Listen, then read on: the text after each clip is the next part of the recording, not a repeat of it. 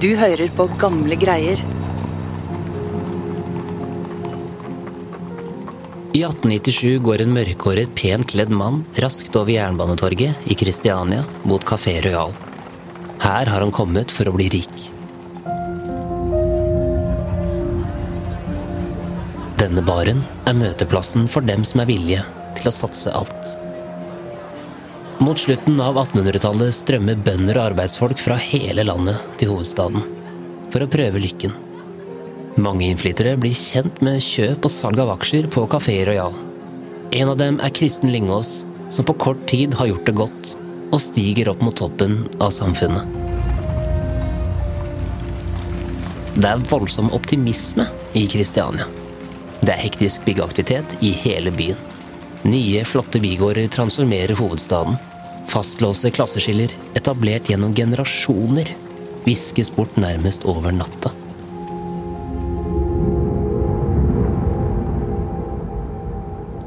Men i horisonten truer mørke skyer. De gode økonomiske tidene med lave renter og vekst vil brått ta slutt. Banker som har strødd om seg med penger, og folk som har lånt enorme pengesummer og levd langt over evne, må snart betale en høy pris. En av dem er Kristen Lingås.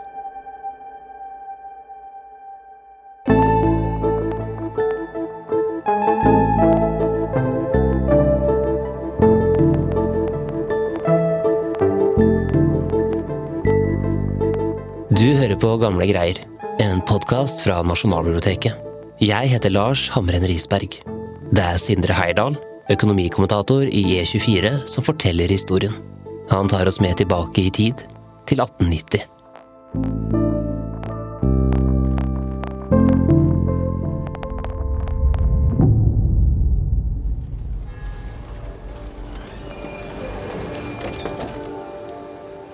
kolonialbutikk i Åkebergveien på Grønland i Kristiania stablet Kristen Lyngås varer som risengryn og salt i hyllene.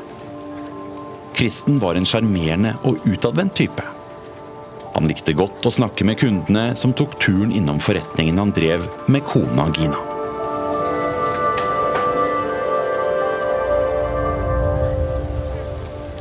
Sommeren 1890 så livet lyst ut for det nygifte paret som nylig hadde flyttet fra de landlige strøkene på Øvre Eiker i Buskerud for å prøve lykken i byen. Han visste godt at mange bønder jobbet hardt for livets opphold, uten at det garanterte en formue. Kristen ville bli rik, og nå hadde han og Gina sammen åpnet en kolonial i nærheten av leiligheten de leide i Kristiania. Fra butikkvinduene kunne Kristen se håndverkere og arbeidere som hastet fram og tilbake i gatene mellom de mange prosjektene de var hyret inn til. Store bygårder ble bygget fra øst til vest i byen, og det dukket opp en fleng av nye bedrifter på nærmest hvert eneste gatehjørne. Hovedstaden Kristiania vokste i en voldsom fart, og behovet for arbeidere var på denne tiden større enn noe annet sted i Norden. Kanskje tenkte Kristen at familien skulle få mange muligheter her i byen, for de siste årene hadde titusener pakket sammen det de eide, for å søke lykken nettopp her. Og det var langt fra bare Kristen som hadde lagt merke til at byen endret seg i et vanvittig tempo. Forfatter og kunstner Christian Krogh hadde kommet tilbake til Kristiania etter et lengre opphold i Paris i 1898. I boka 'Kampen for tilværelsen' skrev han om den norske hovedstaden. For visstnok var husene blitt høyere, vognene flere og menneskemylderet tettere, og der var mange flere kvinnesmil. Det hele minnet om den franske boulevarden. På husenes fasader kunne jeg lese alle de nye navnene på butikkdører og vinduer. Slik hadde det ikke vært de andre gangene jeg kom hjem. Hva kunne det komme av?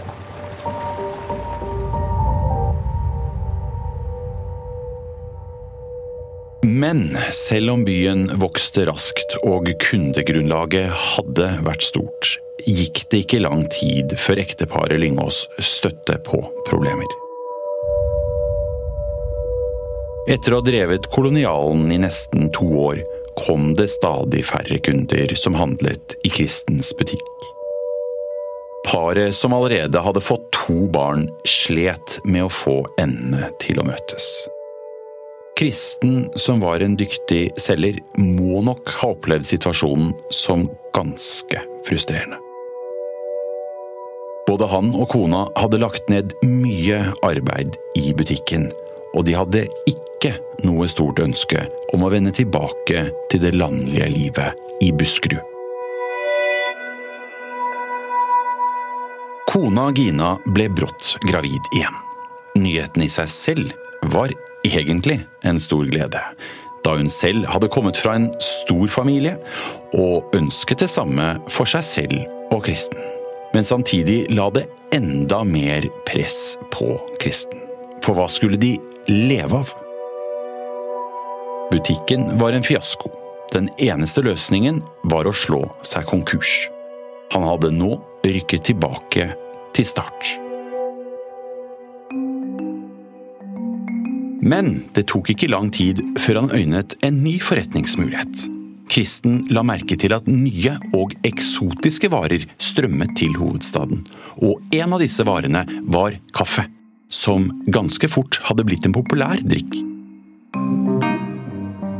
En stund kjøpte han brune striesekker stappfulle av velduftende brune kaffebønner, og solgte dem videre. Håpet var at dette skulle gjøre ham rik. Snart kunne folk rundt om i byen drikke Kristens kaffe. Når de skjenket den nytraktede kaffen i koppene, gikk en del av profitten til gründeren fra Buskerud. Kristen tjente penger. Men konkurransen var knallhard. Inntektene var beskjedne, og strakk kun til å dekke det aller mest nødvendige. Mat, husly og klær for ham og Gina. Nå hadde de dessuten hatt en familieforøkning. Fire barn hadde de nå. Det var mange munner å mette. Det ble vanskelig å betale husleien på Grønland. På noen år hadde to forretninger gått skeis. Drømmen om et liv i rikdom var like uoppnåelig som den var på landet. Med mindre kristen kom på noe lurt fort. For mange var dette en fjern drøm. Rikdom og status gikk som regel bare i arv blant de i overklassen.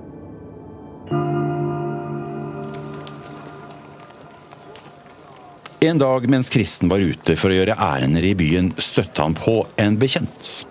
Mannen jobbet også som megler, men hans fokus var på noe ganske nytt og moderne.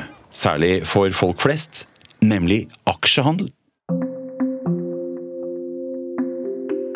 Kristen fikk nå høre spennende historier om handelsmulighetene som florerte på Kafé Royal på Jernbanetorget. Blant bordene i andre etasje i bygården hvor kafeen lå, gikk det oppsiktsvekkende rykter. Det ble snakket om at forretningsfolk kunne ta opp lån om morgenen, kjøpe aksjer på formiddagen og selge med gevinst om ettermiddagen. For Kristen var dette et helt nytt og spennende fenomen.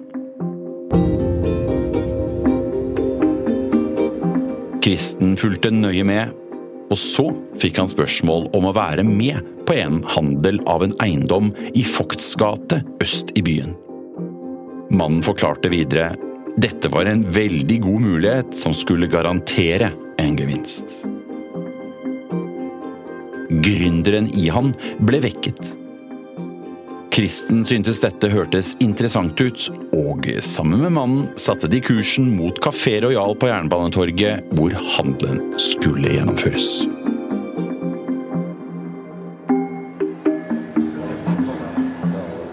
Det var livlig på kafeen, som var full av folk som var interessert i å gjøre en god handel. Mannen Kristen var sammen med, tilbrakte mye tid her, og kjente flere av de andre stamgjestene. Sammen satte de seg ned på et bord og kom raskt i prat om salget av Fogts gate. Etter hvert skjønte Kristen at han hadde noe til felles med de andre mennene. De var også fra bondefamilier og nyinnflyttede. Nå fikk de en unik sjanse til å gjennomføre en aksjehandel.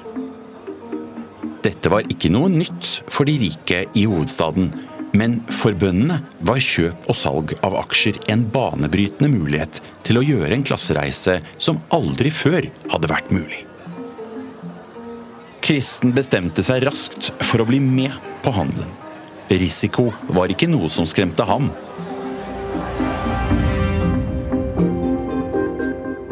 Ganske hurtig fikk han seg et lån fra banken, og det tok ikke mange dager før de fant en kjøper og etter litt papirarbeid så ble det som mannen garanterte. Det var sikker fortjeneste på handelen, og Kristen fikk en gledelig nyhet. På denne ene handelen tjente Kristen 12 000 kroner. Så mye penger hadde han aldri fått for en eneste transaksjon. Han sto der med pengene i hånda, og var nok rett så forfjamset over formuen han nå var i besittelse av. Og det var litt av en fortjeneste. For sammenlignet var lønna til en tjenestejente på denne tida under 300 kroner i året. En statssekretær, som da var en toppjobb høyt på strå i det offentlige, hadde 5400 kroner i årslønn. Nå hadde altså Kristen tjent over dobbelt så mye på bare få dager. Oppglødd over mulighetene gikk han den korte veien hjem til Grønland. Inne i den lille leiligheten var kona Gina travelt opptatt med barnestellet. Begeistret fortalte han om handelen han nettopp hadde deltatt i. Og om alle de andre mennene som tjente gode penger på Kafé Royal. Han fortalte videre om planene sine. Gina fulgte nøye med.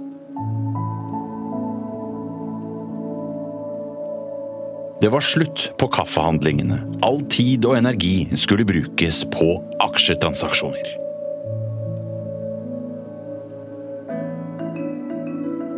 Etter å ha tjent en vanvittig sum på aksjehandel, var Kristen overbevist om at denne veien, den gikk til rikdom. Han begynte å tilbringe mer og mer tid på Kafé Royal. En dag etter at han hadde kjøpt seg noe å drikke i baren, kom han i prat med noen av de andre mennene. Over noen glass delte de historier med Kristen om hvordan handelen som regel foregikk. De mange bygårdene som ble bygget, var organisert slik at de ble solgt og kjøpt gjennom aksjeselskaper. På morgenen kunne et bygg være verdt noen tusen kroner, så stige til himmels på ettermiddagen. Det var et preg av gambling over det hele, bare at her var det nærmest garantert at man vant og tjente gode penger. Inspirert av den første handelen han hadde gjort for noen uker siden, bestemte Kristen seg for å prøve igjen alene. Også denne gangen gikk det hans vei. Nå kunne han juble over å ta ut en gevinst på 2000 kroner.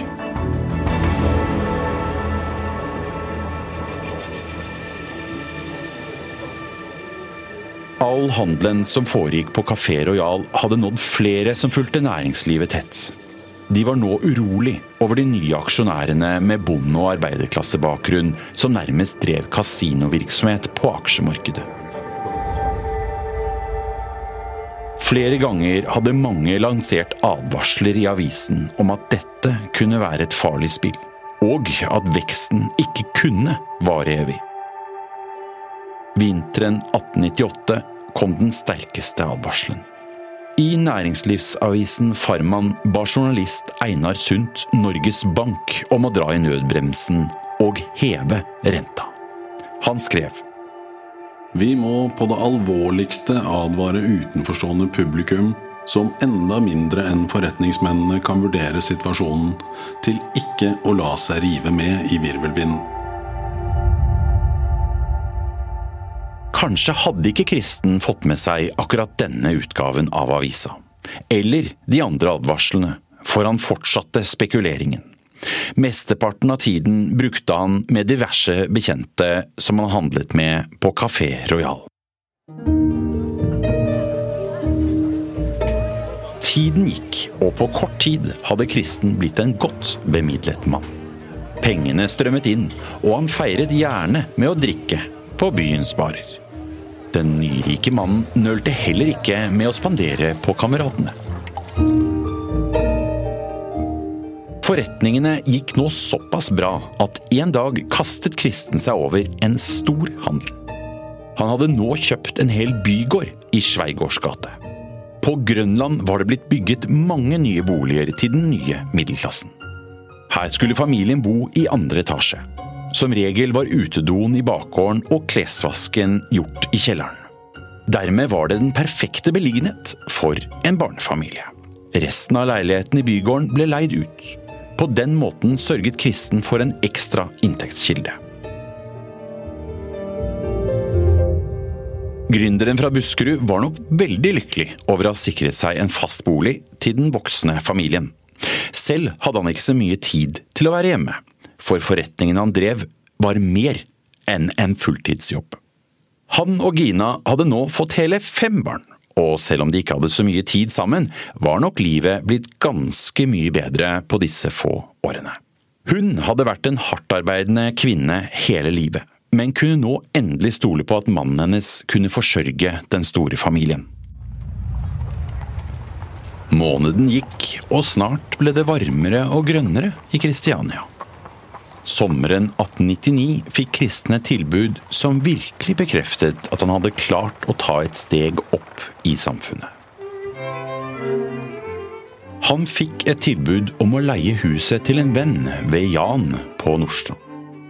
Gina og barna pakket med seg finstasen fra leiligheten på Grønland og gjorde seg klar til en sommer på bygda. Det var vanlig at middelklassefamilier fra Kristiania dro ut av byen for å feriere. På mange måter ble dette beviset på hvor langt han var kommet. Kristen var overlykkelig. Men selv om det var late dager ute på villaen, måtte han tilbringe mesteparten av tiden sin på forretningene inne i byen. De gangene Kristen hadde mulighet, kom han kjørende ut med egen hest og vogn fra byen. Pengene han tjente på handlene, ble som regel investert i nye prosjekter. Og sluttet han å kjøpe og selge aksjer, fikk han ikke betalt lånene sine eller gjort nye investeringer. Mens han hastet inn og ut av sentrum, nøt Gina og barna sommervær i hagen med utsikt til Kristianiafjorden.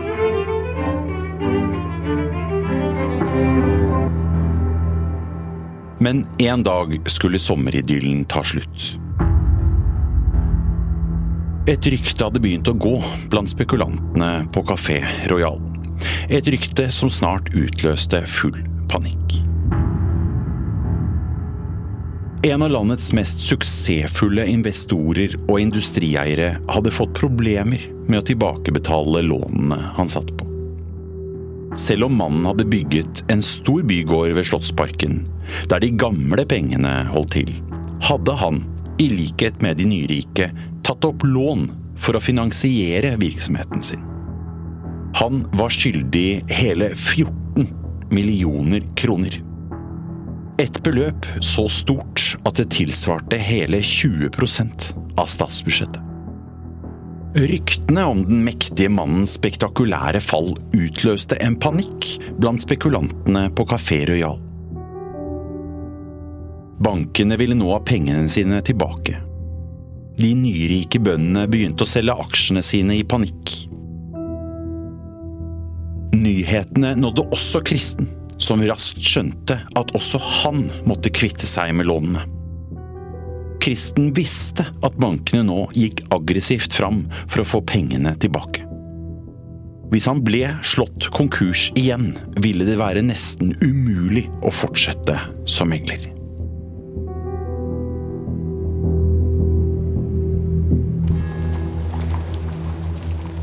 Nyhetene hadde spredd seg til alle landets krikker og kroker. Både journalister, politikere og andre finansfolk uroet seg over hvordan det spektakulære fallet til Kristoffer Kristoffersen ville påvirke landets økonomi. Avisa Folketidene skrev 15.6.1899. I et forsøk på å unngå stengingen av store bedrifter, har Norges Bank i samråd med Finansdepartementet stilt seg samarbeidsvillig. I håp om å skape en minnelig ordning vil forhåpentligvis en beklagelig katastrofe unngås.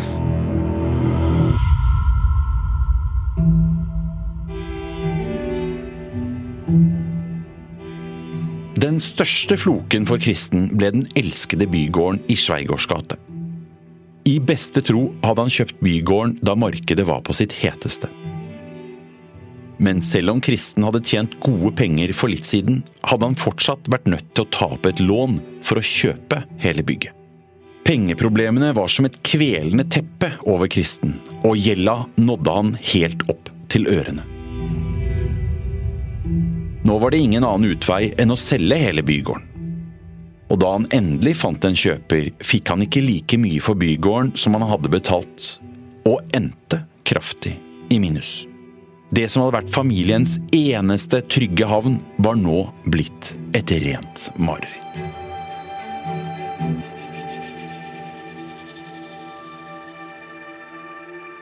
Kristen kunne nå se at alt han hadde klart å bygge opp, raste sammen. Formuen han hadde tjent på rekordtid var allerede forduftet. Kun ved hjelp av taleevnene sine hadde han klart å overbevise de nye eierne av bygården om å få bli boende i leiligheten i ett år. Fra vinduet kunne de se utover byen. Nå var de flotte byggeprosjektene bare et hult skall. Det voldsomme skredet av konkurser hadde ført til full stans i byggearbeid i byen, og påbegynte prosjekter var blitt forlatt på dagen. Det var nå blitt så ille i Kristiania at mange flyttet fra byen de hadde kommet til for å realisere drømmene sine.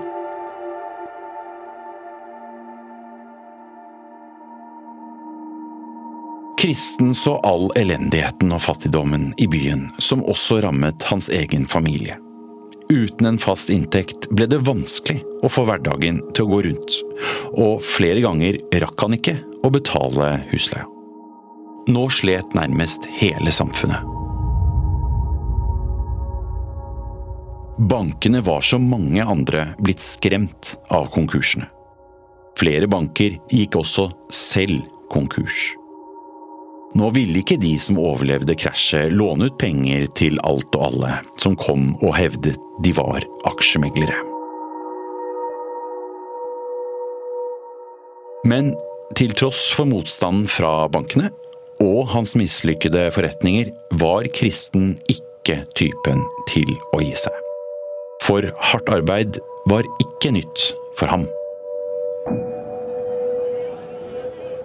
Han fikk gjort noen ymse handler her og der. Selv om storhetstiden på Kafé Royal var langt unna, ble mye av tiden brukt nettopp der. Stadig ble Kristen sittende og drikke i håp om å gjøre en god handel. Men familien hadde egentlig ikke råd til dette. Husleia kom for sent, for ofte, og til slutt ble de kastet ut av leiligheten i Skjærgårds gate.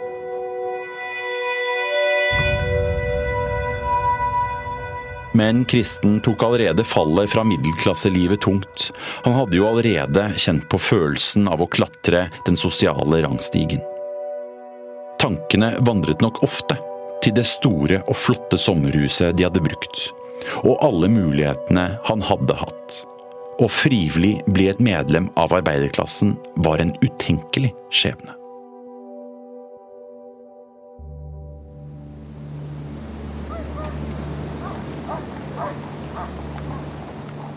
En vinterdag i 1906 tok Kristen på seg de varmeste klærne han hadde, og gikk ut i det kalde vinterværet.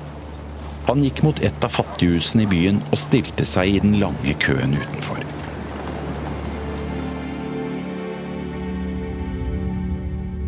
Da han så seg rundt, la han merke til at de andre som også trengte hjelp, var arbeidsfolk. De som jobbet på fabrikk, og som håndverkere. Tanken på at noen bekjente kunne se han i køen sammen med fattigfolkene, ville vært ydmykende. Kristen følte seg nok ganske liten der han sto.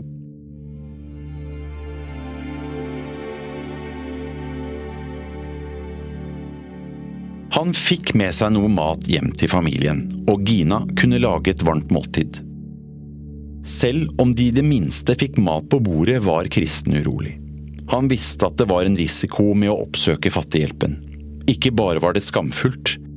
I verste fall kunne han miste stemmeretten for å ha oppsøkt hjelp. Stortinget mente at fattige ikke hadde moralske evner eller dømmekraft til å delta i et politisk valg. Den skamfulle følelsen av å stå i køen var nok det siste Kristen vil oppleve igjen. Og han bestemte seg for å gå drastisk til verks.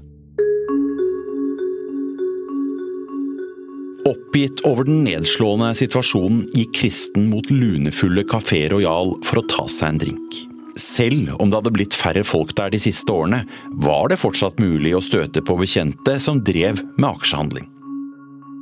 Et glass ble til to, og etter hvert kom han i prat med en gammel forretningspartner. Mannen spurte om Kristen kunne selge noen aksjer for ham.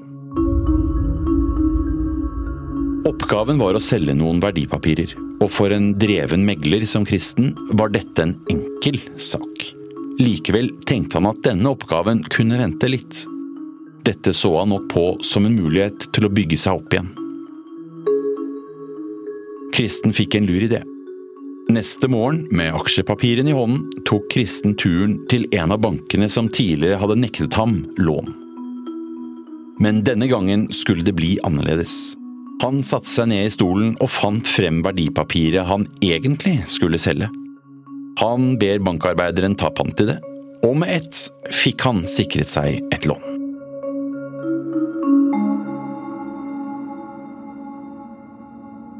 Kristen var klar over at han befant seg helt på kant med loven. Pengene var jo slettes ikke hans egne, og handelen han skulle gjøre for forretningspartneren ble mer komplisert. Av lånet han tok, var verdipapiret i praksis ikke verdt noen ting. Selv om det nok føltes galt, så tjente nå Kristen nok penger til å brødfø familien uten å måtte oppsøke Fattighjelpen igjen. Flere ganger tok han på seg slike handler for bekjente han traff på Kafé Royal. Og uten at noen fikk vite det, fortsatte han å tjene penger på snarveiene han tok.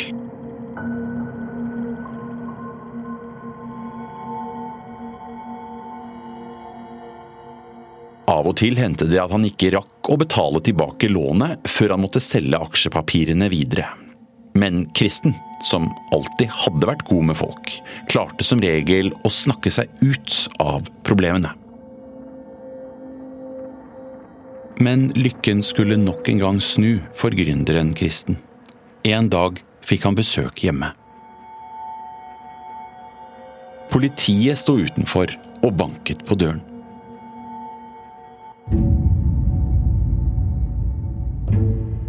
De forklarte at han måtte bli med til politistasjonen på Grønland. De hadde fått flere klager på Kristen av folk som anklaget ham for svindel.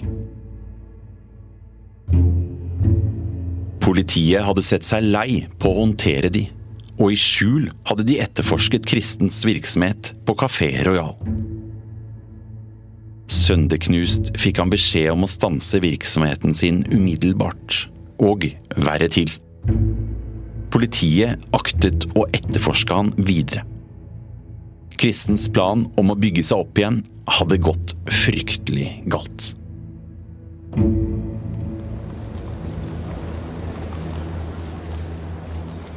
Snøen hadde endelig begynt å slippe taket på brosteinen i byen.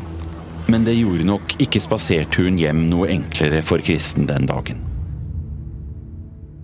I leiligheten ventet en fortvilet Gina som lurte på hva i all verden politiet ville snakke med ham om. Nedbrutt måtte han fortelle om knipa han befant seg i, og de skjønte fort at det kunne ende stygt for dem begge.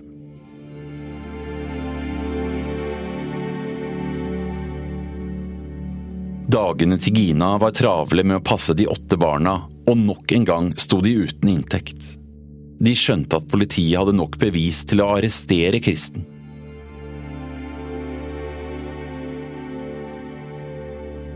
I ren desperasjon skrev de brev til fjerne familiemedlemmer i håp om at det var noen som kunne ta vare på barna deres. Selv om dette var hjerteskjærende for særlig Gina, visste Kristen at de var nødt til å finne en måte å spare penger på.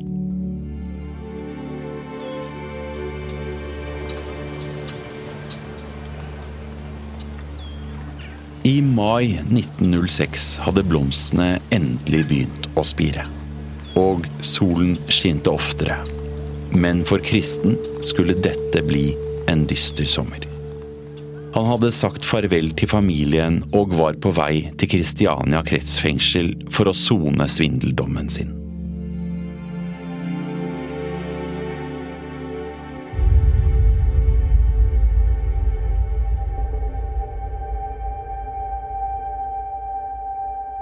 Kristiania-krakket var så voldsomt at realverdien på leiligheter som ble bygget, ikke hentet seg inn igjen på over 90 år.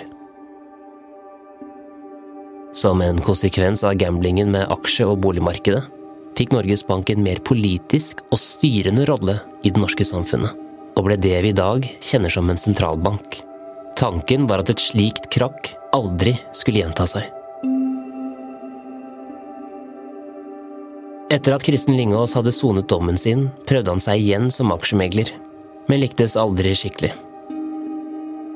Glansdagene med de store økonomiske gevinstene kom aldri igjen, og nedturene ble etter hvert mange for den ambisiøse mannen fra Buskerud. Han ble separert fra kona Gina, og over 20 år etter bruddet havnet han nok en gang i politiets søkelys. Denne gangen fordi han tragisk nok hadde tatt livet av sin nye samboer. Kristen Lingås ble 78 år gammel og døde i Oslo i 1944.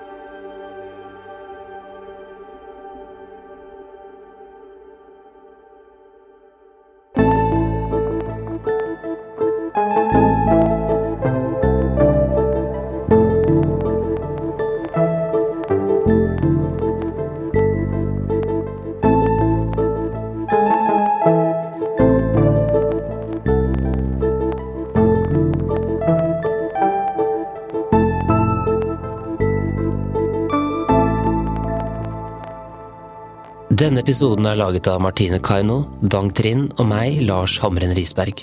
En stor takk til historiker Gunhild J. Ekelund, som har hjulpet oss med manus og veiledning i arbeidet med denne episoden om hennes oldeforeldre, Kristen og Gina Lyngås. Denne episoden hadde ikke vært mulig uten hennes hjelp. Kilder til episoden er Nasjonalbibliotekets avissamling og foredraget Når krisa rammer. Foredrag av Gunhild J. Ekelund for Nasjonalbiblioteket.